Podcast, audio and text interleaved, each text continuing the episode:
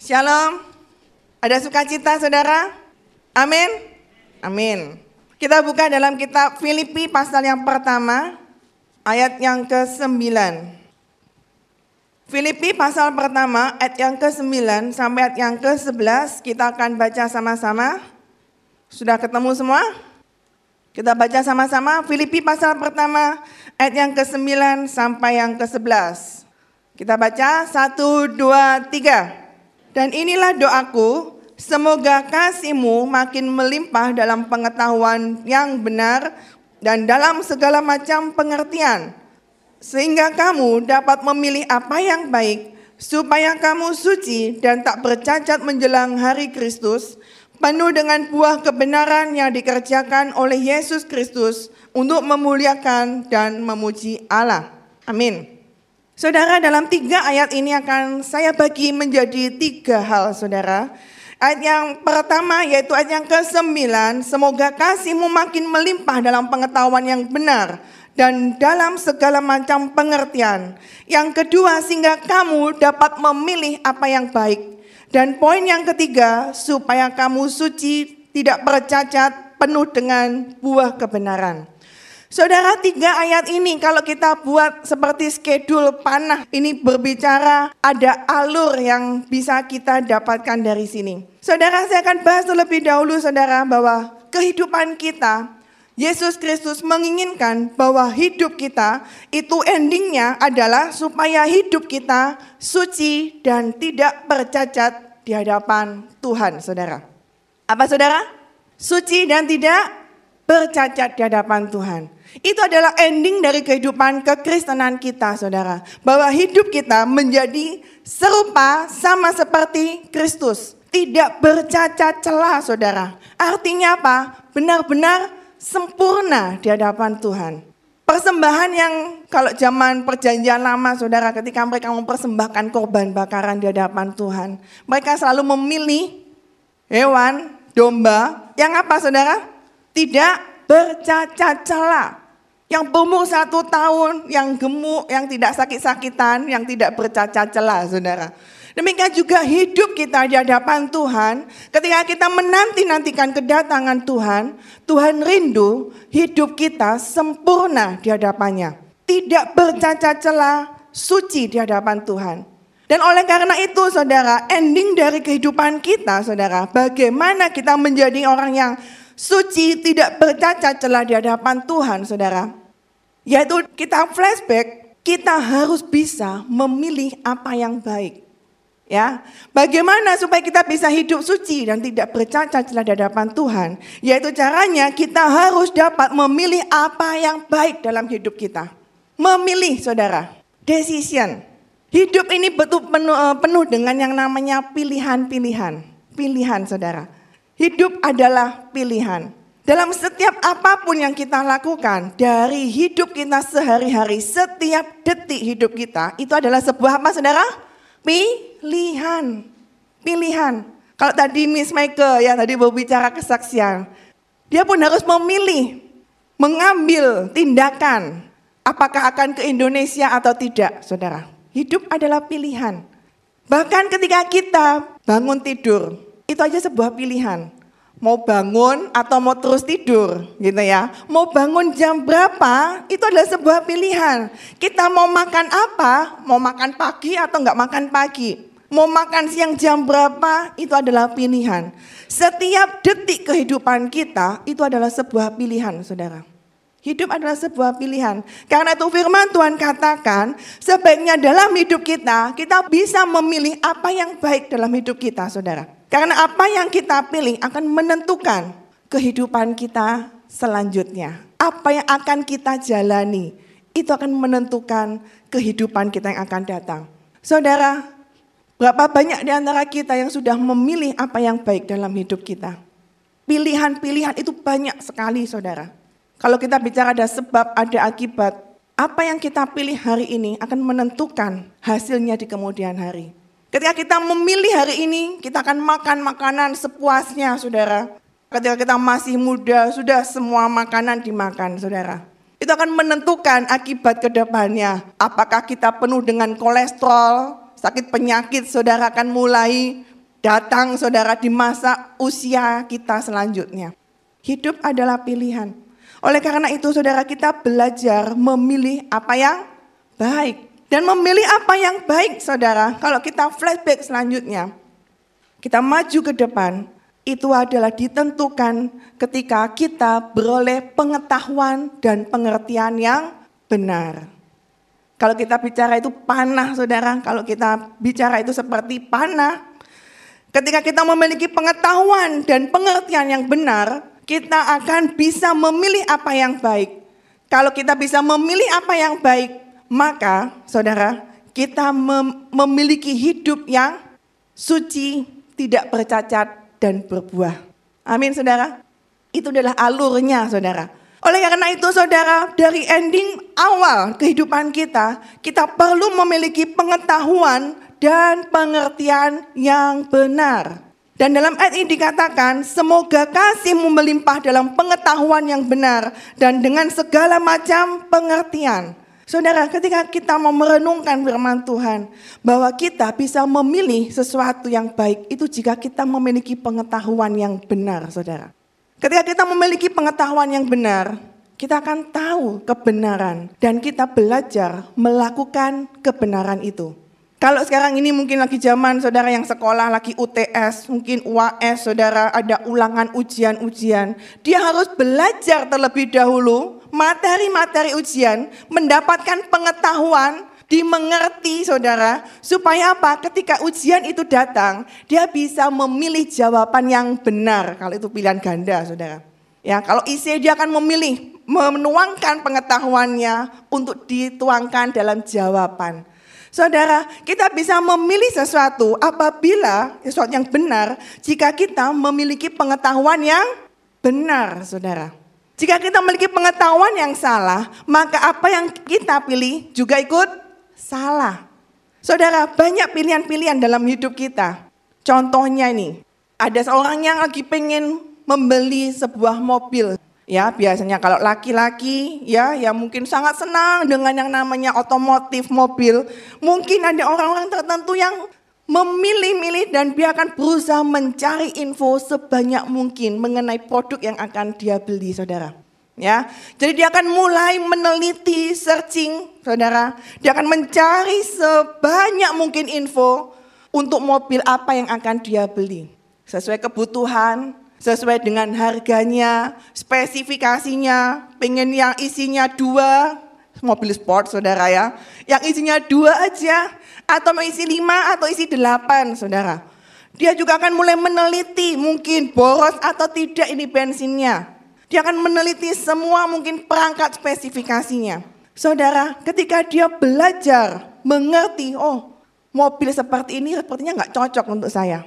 Mobil yang roda empat yang isinya cuma dua sepertinya nggak cocok. Dia akan mulai memilih-memilih lagi. Dia akan mencari-mencari info saudara untuk mendapatkan yang terbaik yang sesuai dengan kebutuhan. Kita mesti mempelajari terlebih dahulu saudara, apa yang akan kita pilih. Dalam membeli sesuatu, kita sering kali kita juga searching dulu. Apa ya yang aku butuhkan? Spesifikasinya seperti apa ya? Aku seneng gak ya dengan barangnya? Demikian juga saudara dalam segala hal, kita sering kali kita mencari info, mencari pengetahuan yang benar. Saudara, apabila pengetahuan kita yang kita dapatkan itu salah, saudara, kita dapatkan info yang salah, maka kita bisa memilih sesuatu yang salah juga, saudara. Ketika kita dapat biasanya dari sales, saudara, salesnya berkata, oh ini, ini, ini, ternyata apa yang diinfokan salah, kita terlanjur percaya dengan salesnya. Oh ternyata saya kita kira ini spesifikasinya sesuai dengan keinginan kita. Ternyata apa yang disampaikan itu salah, saudara. Apa yang disampaikan ternyata nggak sesuai dengan spesifikasinya. Dan terlanjur kita beli, maka kita telah memilih suatu pilihan yang salah. Itu adalah hidup. Itu kalau berbicara mengenai barang. Kita bisa memilih sesuatu. Kita butuh pengetahuan. Oleh karena itu saudara, dalam setiap detik kehidupan kita, kita memerlukan yang namanya pengetahuan yang benar. Supaya kita bisa memilih sesuatu yang benar juga. Kalau anak muda bicara memilih pasangan hidup, ya pasti kita pengen apa? Dipenuhi dengan pengetahuan terlebih dahulu. Misalnya Andreas, ini calon kita, ya. Kita akan berusaha mengerti, mencari pengetahuan yang banyak tentang hidupnya Andreas, saudara.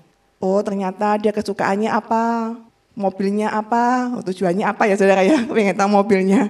Saudara, rumahnya di mana, kalau makan sukanya bagaimana saudara, kebiasaannya apa. Saudara kita pasti akan meneliti terlebih dahulu supaya kita nggak kecewa. Kalau kita memilih Andreas. Amin Andreas? Amin ya. Nah, dek amin di belakang sana mungkin yang calon-calonnya ya. Banyak pilihan-pilihan yang bisa diambil Saudara. Ya. Saudara, dalam memilih sesuatu, apa pun Saudara, kita butuh namanya apa Saudara? Pengetahuan. Pengetahuan. Oleh karena itu, jangan kita apatis dengan yang namanya pengetahuan. Kita harus mencari info sebanyak mungkin. Demikian juga dalam kehidupan kerohanian kita, saudara. Kita butuh pengetahuan yang benar dan pengertian yang benar tentang firman Tuhan. Supaya kita bisa memilih apa yang terbaik dalam kehidupan kita. Pengetahuan yang benar. Dan kita belajar saudara, ketika kita memiliki pengetahuan yang benar, itu dipengaruhi oleh apa? Ayat yang kalimat yang awal-awalnya, yaitu apa saudara? Kasihmu makin melimpah. Kenapa saudara Rasul Paulus waktu di Filipi dia katakan, Paulus berdoa untuk jemaat di Filipi, semoga kasihmu makin melimpah dalam pengetahuan.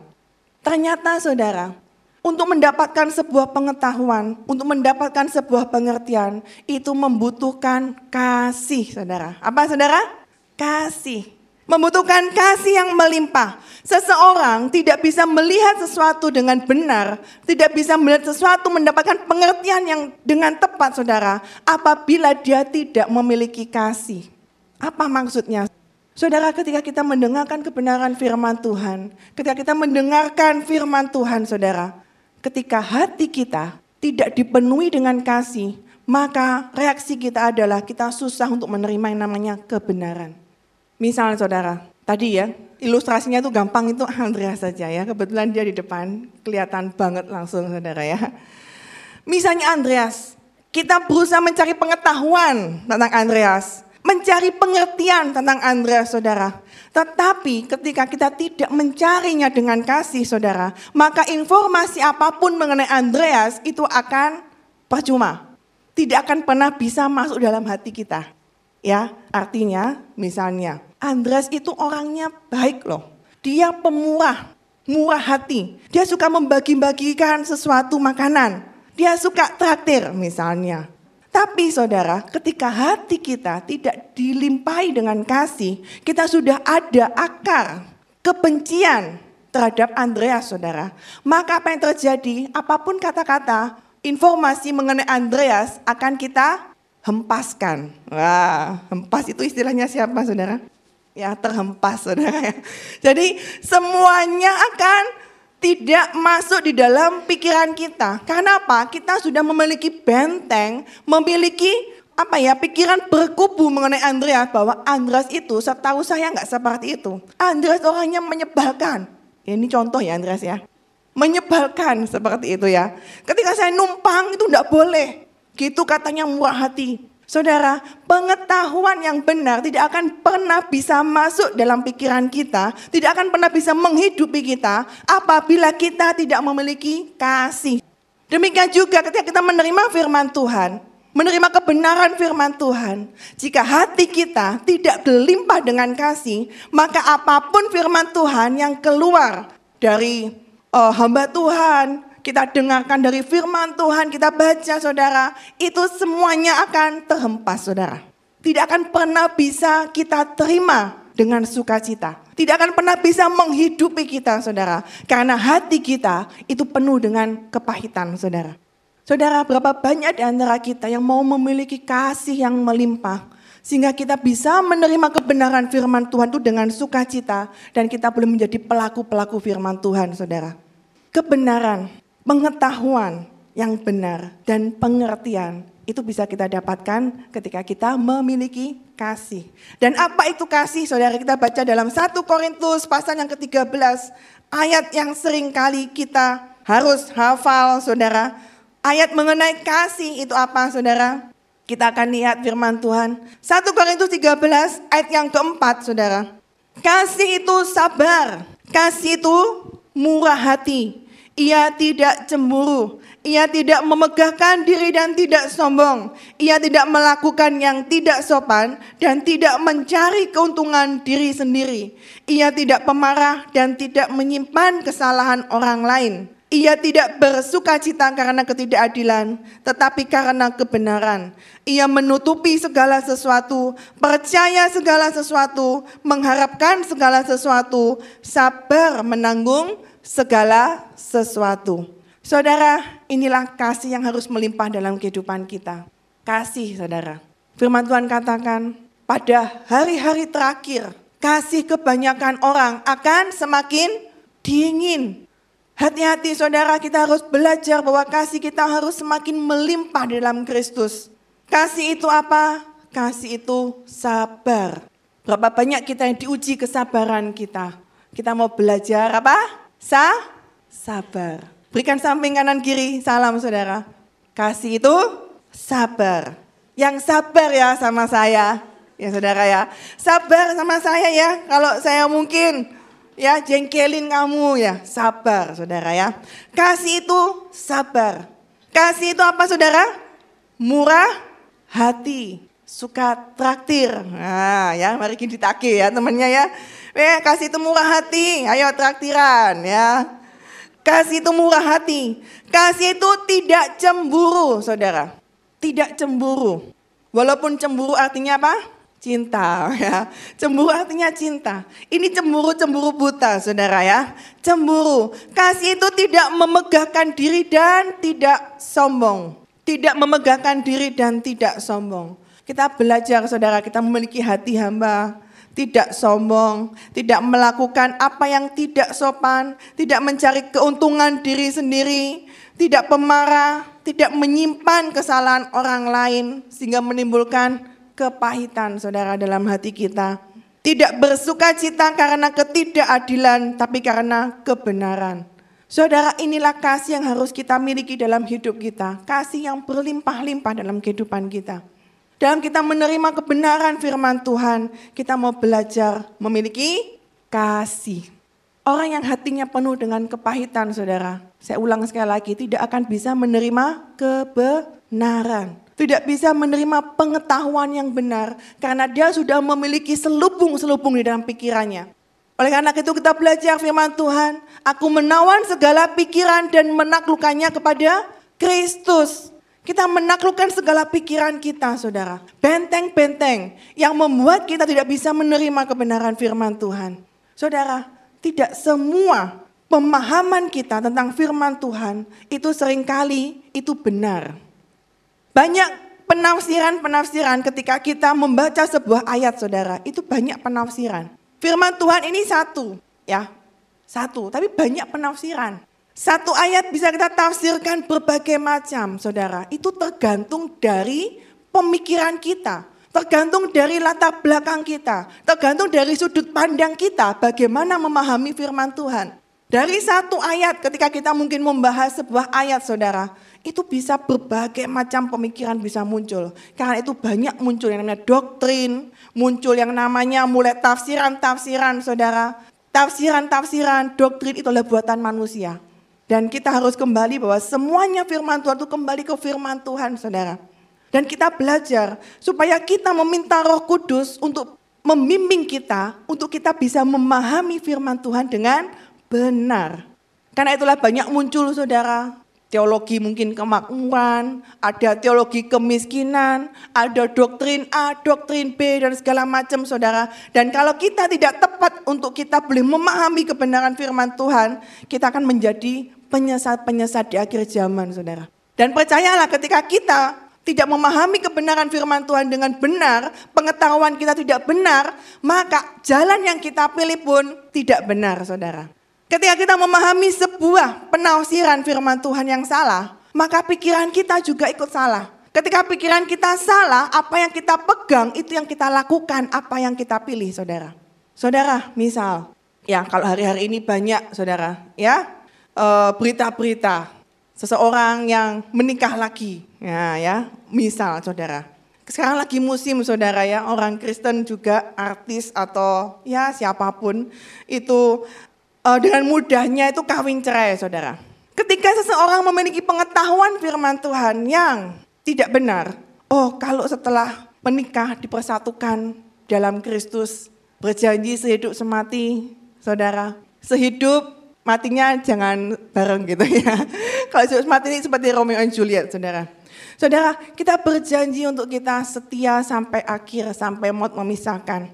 Saudara, ketika prinsip firman Tuhan yang kita terima, kebenaran firman Tuhan yang kita terima itu salah saudara. Ketika seorang mulai mulai memikirkan, oh setelah menikah kita boleh kok cerai. Setelah cerai kita bisa kok menikah lagi dengan orang lain. Saudara, pemahaman yang salah akan membuat kita mengambil keputusan yang salah, saudara oh menurut pemahaman saya menikah lagi nggak apa-apa kok. Dan akhirnya dia akan menikah lagi saudara. Itulah pentingnya kita mengetahui kebenaran yang sesungguhnya. Kebenaran firman Tuhan yang sesungguhnya. Jalan apa yang harus kita pilih tergantung dari pengetahuan kita tentang firman Tuhan. Saudara, oleh karena itu penting sekali kita mau belajar firman Tuhan dengan benar. Dalam kitab Roma, saudara. Roma pasal yang ke-10. Roma pasal yang ke-10 ayat yang pertama. Roma pasal 10 ayat yang pertama dikatakan, Saudara-saudara, keinginan hatiku dan doaku kepada Tuhan ialah supaya mereka diselamatkan. Ini Paulus berkata, Sebab aku dapat memberi kesaksian tentang mereka bahwa mereka sungguh-sungguh giat untuk Allah. Tetapi apa saudara? Tanpa pengertian yang benar. Sebab oleh karena mereka tidak mengenal kebenaran Allah dan oleh karena mereka berusaha untuk mendirikan kebenaran mereka sendiri, maka mereka tidak takluk kepada kebenaran Allah. Saudara, Paulus berkata di sini pada jemaat di Roma, saudara, bahwa apa? Ternyata banyak di antara mereka, ya, orang-orang yang mungkin mereka percaya kepada Yesus, orang-orang Kristen, saudara, mereka kelihatannya sungguh-sungguh giat untuk Allah. Mereka secara lahiriah, kelihatannya mereka orang yang rohani, saudara. Kelihatannya orang yang sungguh-sungguh kepada Tuhan. Tetapi ternyata, saudara, mereka tidak memiliki pengertian yang benar. Saudara, bahkan untuk menyebarkan firman Tuhan, untuk kita memberitakan Injil kebenaran firman Tuhan, ketika kita mau menjangkau jiwa-jiwa untuk Tuhan, saudara, Kelihatannya mereka giat mengerjakannya untuk Tuhan. Kelihatannya mereka mengerjakan sesuatu yang baik, saudara. Tetapi apa yang terjadi, saudara? Mereka tidak memiliki pengertian yang benar. Dalam melakukan semuanya itu, saudara, pengertiannya salah. Mereka tidak mengenal kebenaran dan mereka berusaha mendirikan kebenaran mereka sendiri. Artinya apa saudara? Mereka menciptakan kebenaran mereka sendiri di luar kebenaran firman Tuhan, saudara. Ini yang berbahaya. Dan sering kali kita nggak sadar bahwa kita sudah menyimpang jauh dari kebenaran. Mungkin ketika kita berusaha, kita mengenal Kristus, kita berusaha, kita mau dekat sama Tuhan, saudara. Kelihatannya mereka giat untuk Tuhan. Matius dikatakan apa? Tidak setiap orang yang berseru kepadaku Tuhan, Tuhan, dia akan masuk dalam kerajaan surga. Tapi mereka yang menjadi apa? Pelaku kebenaran firman Tuhan, yang melakukan kehendak Bapakku yang di surga. Saudara, kita perlu memiliki kebenaran, pengertian yang benar tentang firman Tuhan. Karena itu saudara, jika kita masih bingung tentang firman Tuhan, seperti apa kita harus memilih jalan kehidupan kita, kita mau belajar kita bisa menanyakan kepada kakak pemimpin kita, kepada gembala kita. Kita juga berdoa kepada Tuhan, meminta tuntunan roh kudus. Supaya kita nggak salah dalam menafsirkan firman Tuhan, saudara. Jangan sampai kita menciptakan kebenaran kita sendiri, saudara. Kebenaran itu bisa kita ciptakan sendiri. Karena itu kita tahu ada yang namanya Yesus-Yesus yang palsu. Yesus yang menurut ciptaan kita sendiri. Yesus yang menurut rekaan pikiran kita sendiri. Bahkan bisa juga kita membuat firman Tuhan ini menurut pikiran kita sendiri saudara. Menurut pembenaran kita sendiri. Kita mulai memilih-milih firman Tuhan apa yang cocok dengan kehidupan kita. Kita mulai memilih-milih firman Tuhan, apa yang menyenangkan telinga kita, apa yang menyenangkan, yang menguntungkan buat kita, itulah yang kita ambil. Sedangkan yang merugikan kita, saudara, yang nggak enak buat daging kita, itu kita singkirkan. Itu adalah kebenaran kita sendiri.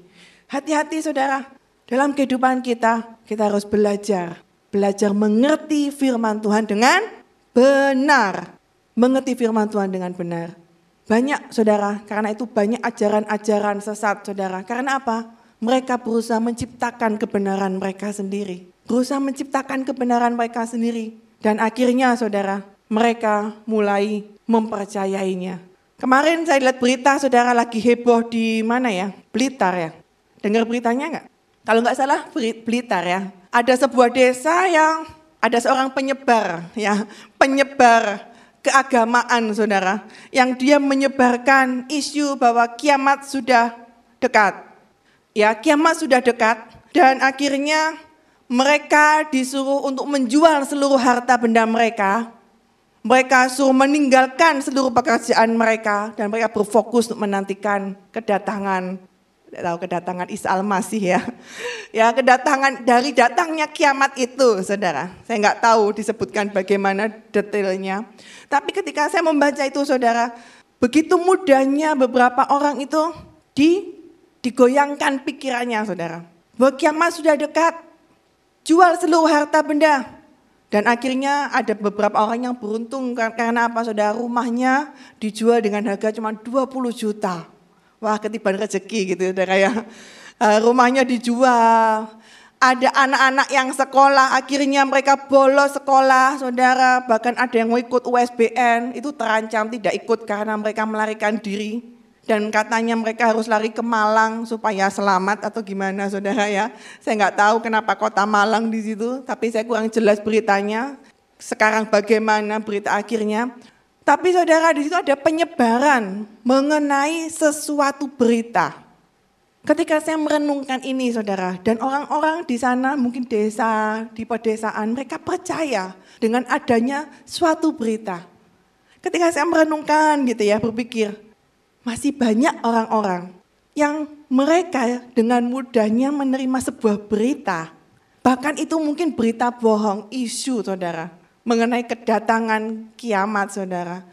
Bagaimana seandainya kita yang menyebarkan berita kebenaran buat mereka. Lima, kalau nggak salah 50 keluarga mereka percaya. Dan mereka berbondong-bondong meninggalkan kampung halamannya. Mereka pergi ke tempat lain. Saudara, Kenapa enggak Injil Kristus yang kita ceritakan buat mereka? Orang-orang yang seperti ini mereka membutuhkan sebuah kebenaran. Membutuhkan kebenaran yang memerdekakan mereka, yang membawa mereka kepada jalan keselamatan. Dan saya percaya ketika mereka mau mereka kok bisa mempercayai berita itu, berarti mereka sedang haus terhadap berita-berita keselamatan, saudara. Di sinilah kita boleh merenungkan, maukah kita sungguh-sungguh dipakai oleh Tuhan untuk menyampaikan berita yang benar, saudara berita yang benar mengenai keselamatan dalam Injil Kristus Yesus, saudara. Tapi banyak di antara kita yang kita apatis, kita enggak peduli dengan orang lain. Yang sering kali kita enggak mau saudara memberitakan firman Tuhan yang benar buat orang-orang di luar sana. Saudara kita mau peka ya bahwa banyak ladang telah menguning siap untuk dituai. Dan kita mau berdoa Tuhan kirimkan banyak pekerja untuk menjadi penuai-penuai di akhir zaman. Saudara, banyak jiwa membutuhkan kasih Kristus. Banyak jiwa yang membutuhkan Injil Kristus, saudara. Siapa yang mau diutus, saudara? Siapa yang mau diutus, saudara? Mau diutus, saudara? Kita mau belajar kebenaran firman Tuhan. Untuk kita bisa menyampaikan firman Tuhan yang benar. Kita mau diutus mulai dari lingkungan yang sekitar kita. Mereka sudah mengerti nggak kebenaran firman Tuhan yang benar? Atau mereka memiliki kebenaran mereka sendiri saudara. Mereka giat, kelihatannya giat di dalam Kristus. Tapi ternyata jalan yang mereka pilih adalah jalan yang salah. Karena mereka mendapatkan pengetahuan yang salah. Saudara, kita harus belajar firman Tuhan. Amin. Kita belajar kebenaran yang memerdekakan kita. Firman Tuhan yang memerdekakan kita. Firman Tuhan yang benar saudara yang berbasis pada firman Tuhan bukan kepada pemikiran kita sendiri. Kita kembali dalam Filipi saudara, kasih yang melimpah sehingga kita tidak ada penuduhan, kita tidak ada halangan untuk menerima kebenaran dan akhirnya kita bisa memilih apa yang benar, memilih apa yang baik, ya. Memilih apa yang baik. Saudara, pilihan-pilihan apa yang sudah kita lakukan dalam hidup kita? Apakah kita sudah memilih yang terbaik dalam hidup kita? Saudara, kita bisa memilih kita datang ke gereja atau kita jalan-jalan ke mall. Kita bisa memilih pasangan yang kita doakan dulu atau sembarangan. Kita bisa memilih pekerjaan, saudara. Dalam hal pekerjaan, kita bisa memilih, saudara, pekerjaan apa yang akan kita lakukan. Bagi yang sudah mau lulus, saudara ya, yang kuliah atau SMA, saudara yang mau lulus, dia bisa memilih sesuatu dalam hidupnya yang akan dia pilih dan dia akan jalani untuk ke depan. Kita bisa memilih kita akan ikut setia, taat kepada Tuhan selamanya, ataukah kita murtad, saudara. Hidup adalah sebuah pilihan.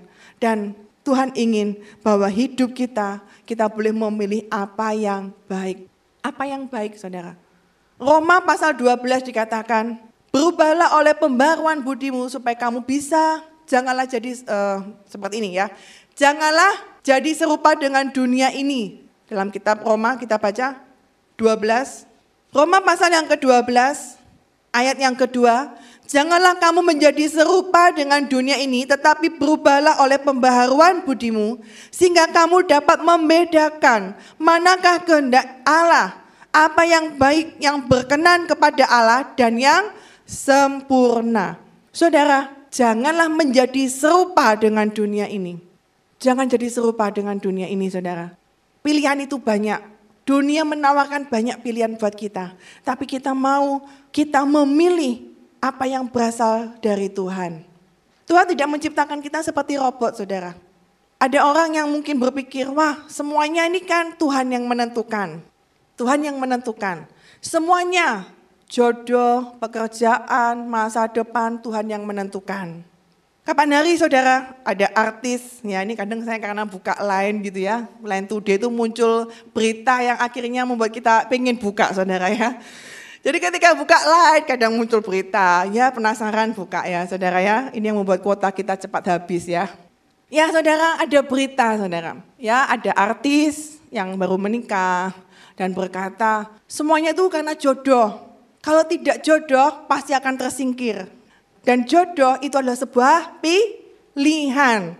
Tidak semua jodoh itu dari Tuhan. Ini saya nggak tahu dia Kristen apa tidak saudara ya yang komen.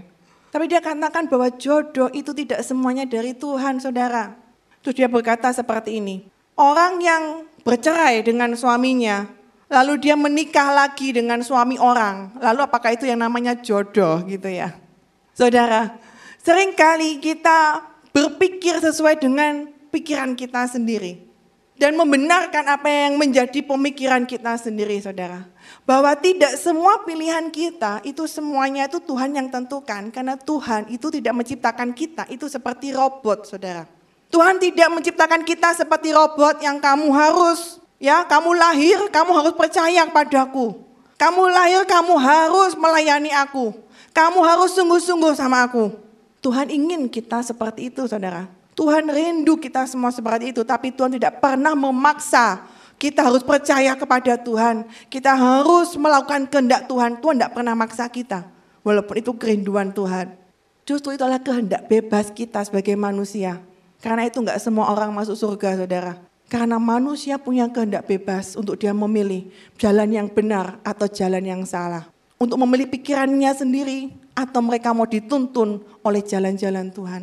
Tapi yang benar adalah seperti apa saudara? Kita mau menyerahkan hati kita untuk kita dituntun oleh Tuhan. Sehingga kita bisa berkata, kita mengosongkan diri kita dan kita berkata, Tuhan bukan kehendakku tetapi kehendakmu yang jadi dalam hidupku. Artinya apa? Kita menyerahkan kehendak kita kepada Tuhan. Menyerahkan keinginan kita kepada Tuhan untuk dipakai sesuai dengan kehendak Bapa saudara. Itu yang benar saudara. Walaupun kita punya pilihan, tapi kita mau belajar, kita menyerahkan pilihan itu kepada Tuhan. Kita punya pilihan untuk pilih jodoh, saudara. Semuanya kita bisa memilih siapa pun, saudara. Tapi kita mau belajar, kita menyerahkan pilihan itu dan kita membawanya ke dalam tangan Tuhan. Tuhan, benar enggak ini jodoh saya? Demikian juga pekerjaan. Kita bisa memilih pekerjaan apa buat kita, saudara. Tapi kita mau belajar menyerahkan pilihan kita. Tuhan, Pilihkan pekerjaan yang terbaik buat aku. Aku mau ikut kehendakmu. Apa yang menjadi kehendakmu dalam hidupku. Itu yang terbaik. Itu saudara, kita mau belajar menyerahkan pilihan-pilihan kita kepada Tuhan. Sudahkah kita berdoa kepada Tuhan tiap hari dan menyerahkan setiap pilihan kita kepada Tuhan saudara. Ketika kita menginginkan sesuatu saudara. Sudahkah kita bertanya kepada Tuhan dulu. Tuhan Aku lagi pengen beli, mungkin pengen beli apa ya? Motor yang terbaru gitu ya. Ini kehendakmu enggak ya Tuhan? Boleh enggak ya saya beli? Sudah kita tanya kepada Tuhan, Tuhan aku lagi pengen nih sesuatu, boleh enggak ya Tuhan? Aku lagi seneng nih sama si A gitu ya. Boleh enggak ya Tuhan? Tuhan, boleh enggak ya Tuhan biarkan kau berkehendak dalam setiap pilihanku. Tuhan pengen saudara kita mau belajar memilih apa ya? Baik. Sehingga apa saudara? Selanjutnya dalam Filipi kita kembali. Sehingga kamu dapat memilih apa yang baik supaya ya itu berkelanjutan saudara panah selanjutnya supaya kamu suci dan tidak bercacat menjelang hari Kristus dan tujuan kita supaya kita bisa memilih apa yang baik dalam hidup kita itu supaya kita menjadi orang yang suci dan tidak bercacat saudara. Saudara menjelang, menjelang kedatangan Tuhan Yesus kita harus belajar menjadi sempurna serupa seperti Kristus. Tidak bercacat 1 Tesalonika 5 ayat yang ke-23 Saudara, kita akan baca.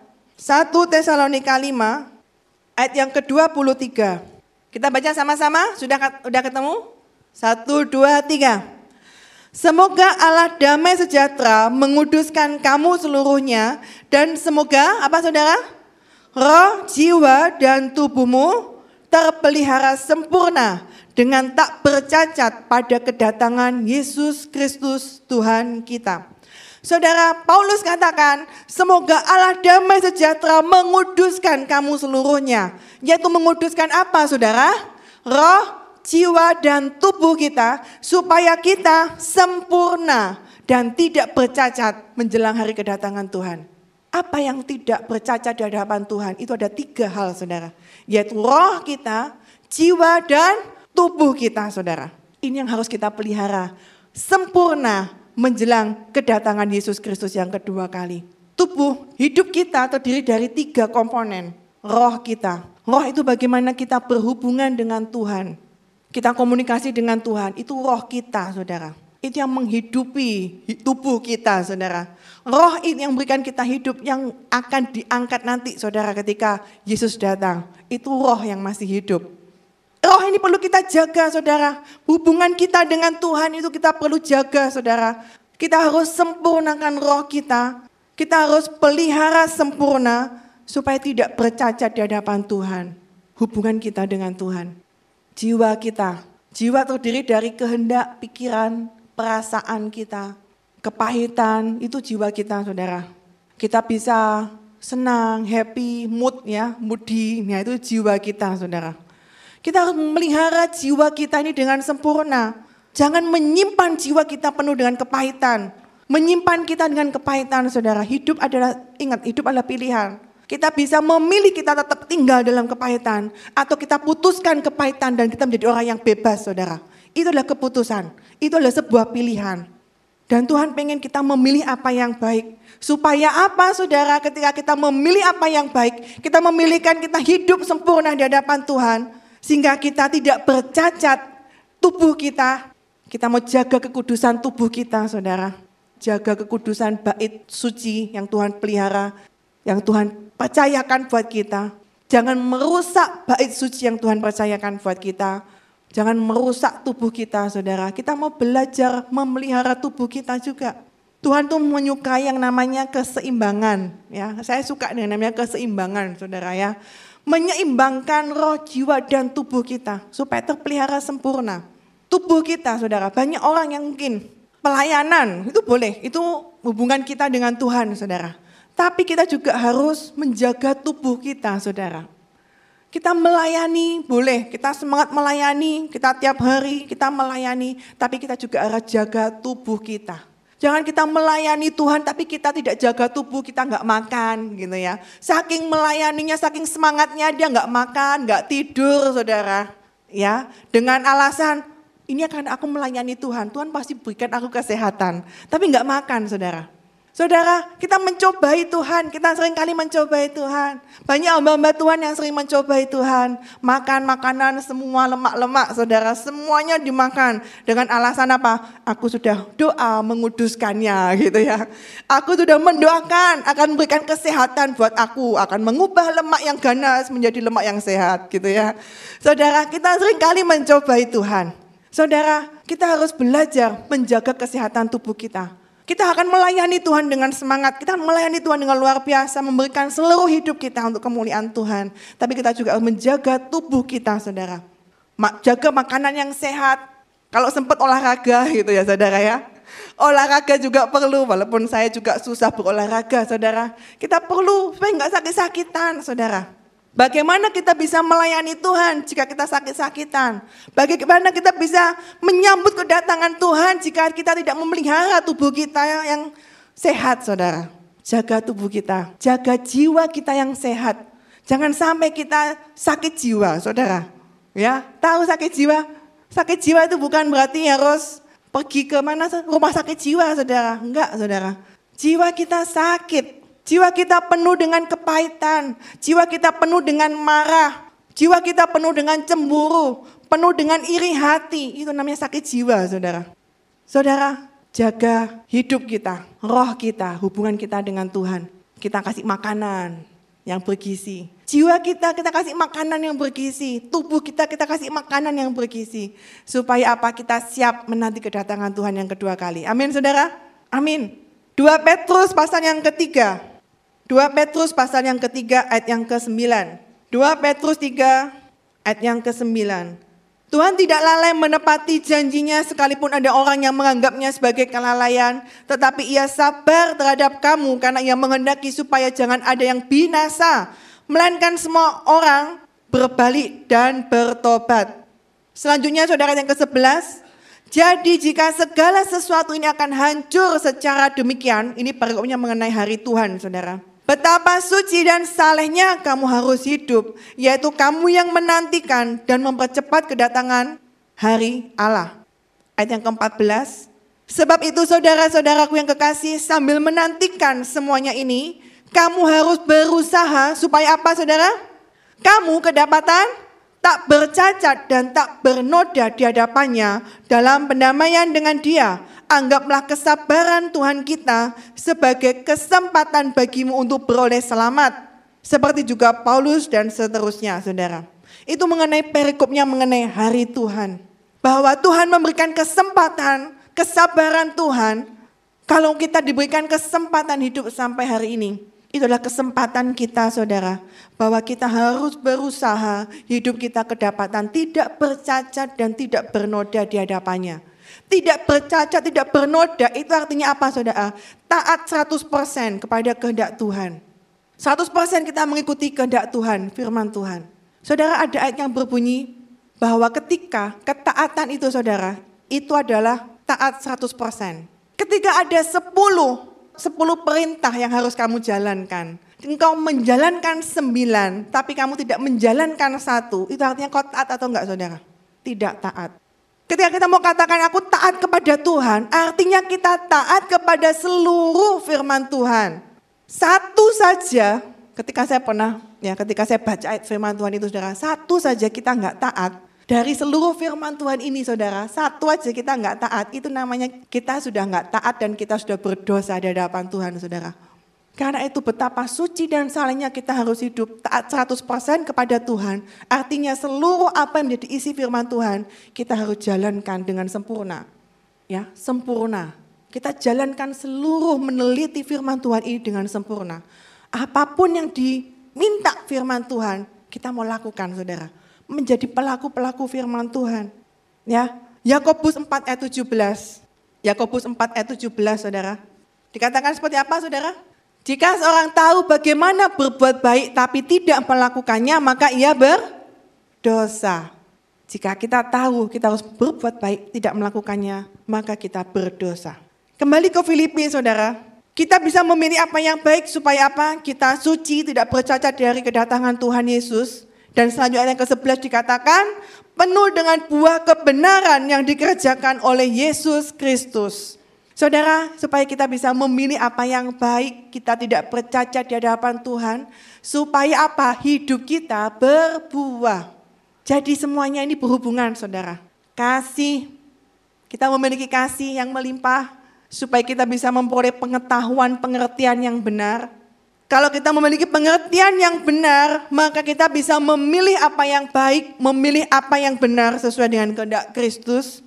Sehingga kita menjadi suci, tidak bercacat di hadapan Tuhan. Dan selanjutnya apa? Supaya hidup kita bisa menghasilkan buah. Saudara, sudahkah kita menghasilkan buah dalam hidup kita?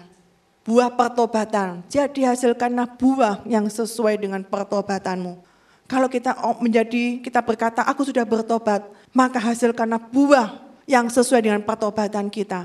Sudahkah hidup kita itu mengalami pertobatan yang sejati? Artinya apa? Sudahkah hidup kita mengalami perubahan, saudara?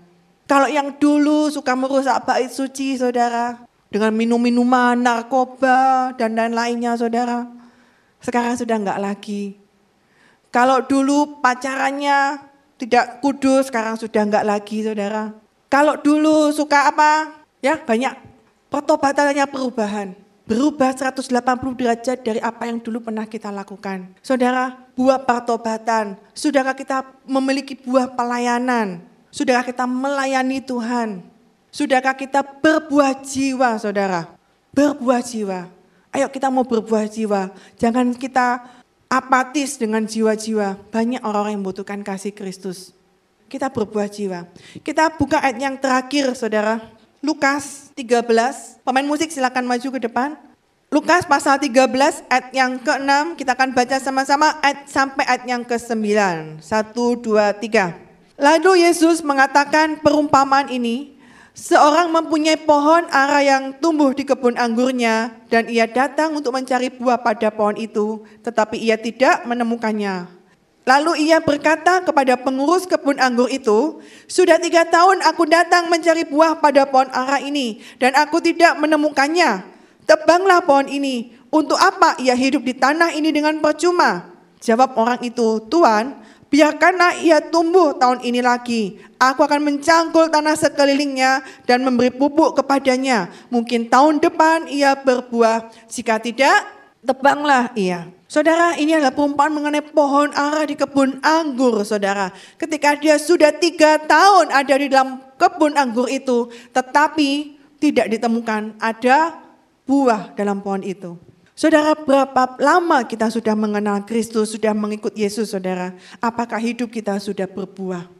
Dan firman Tuhan katakan, jika kita tidak berbuah sampai pada saat yang Tuhan tentukan, kalau di sini dikatakan tiga tahun tidak berbuah, masih diberi kesempatan satu tahun lagi. Akan dicoba dipupuk, dicangkul tanahnya supaya gembur saudara. Supaya lebih bisa ada tanah habitat untuk dia boleh bertumbuh saudara dan berbuah. Masih diusahakan. Tetapi dikatakan jika ternyata setelah diberikan pemeliharaan, diberikan pupuk, diberikan nutrisi saudara masih nggak berbuah maka tebanglah pohon itu. Saudara jangan sampai hidup kita ditebang oleh Tuhan karena kita tidak berbuah. Mari kita mau menghasilkan buah yang baik dalam hidup kita. Hasilkanlah buah sesuai dengan pertobatan kita. Mari kita menghasilkan buah, saudara. Dan kita tidak akan pernah bisa berbuah jika kita tidak melekat pada ranting pokok anggur yang benar. Mari kita melekat kepada Yesus Kristus, pokok anggur kita yang benar. Maka hidup kita akan berbuah. Amin saudara. Kita akan berdoa bersama.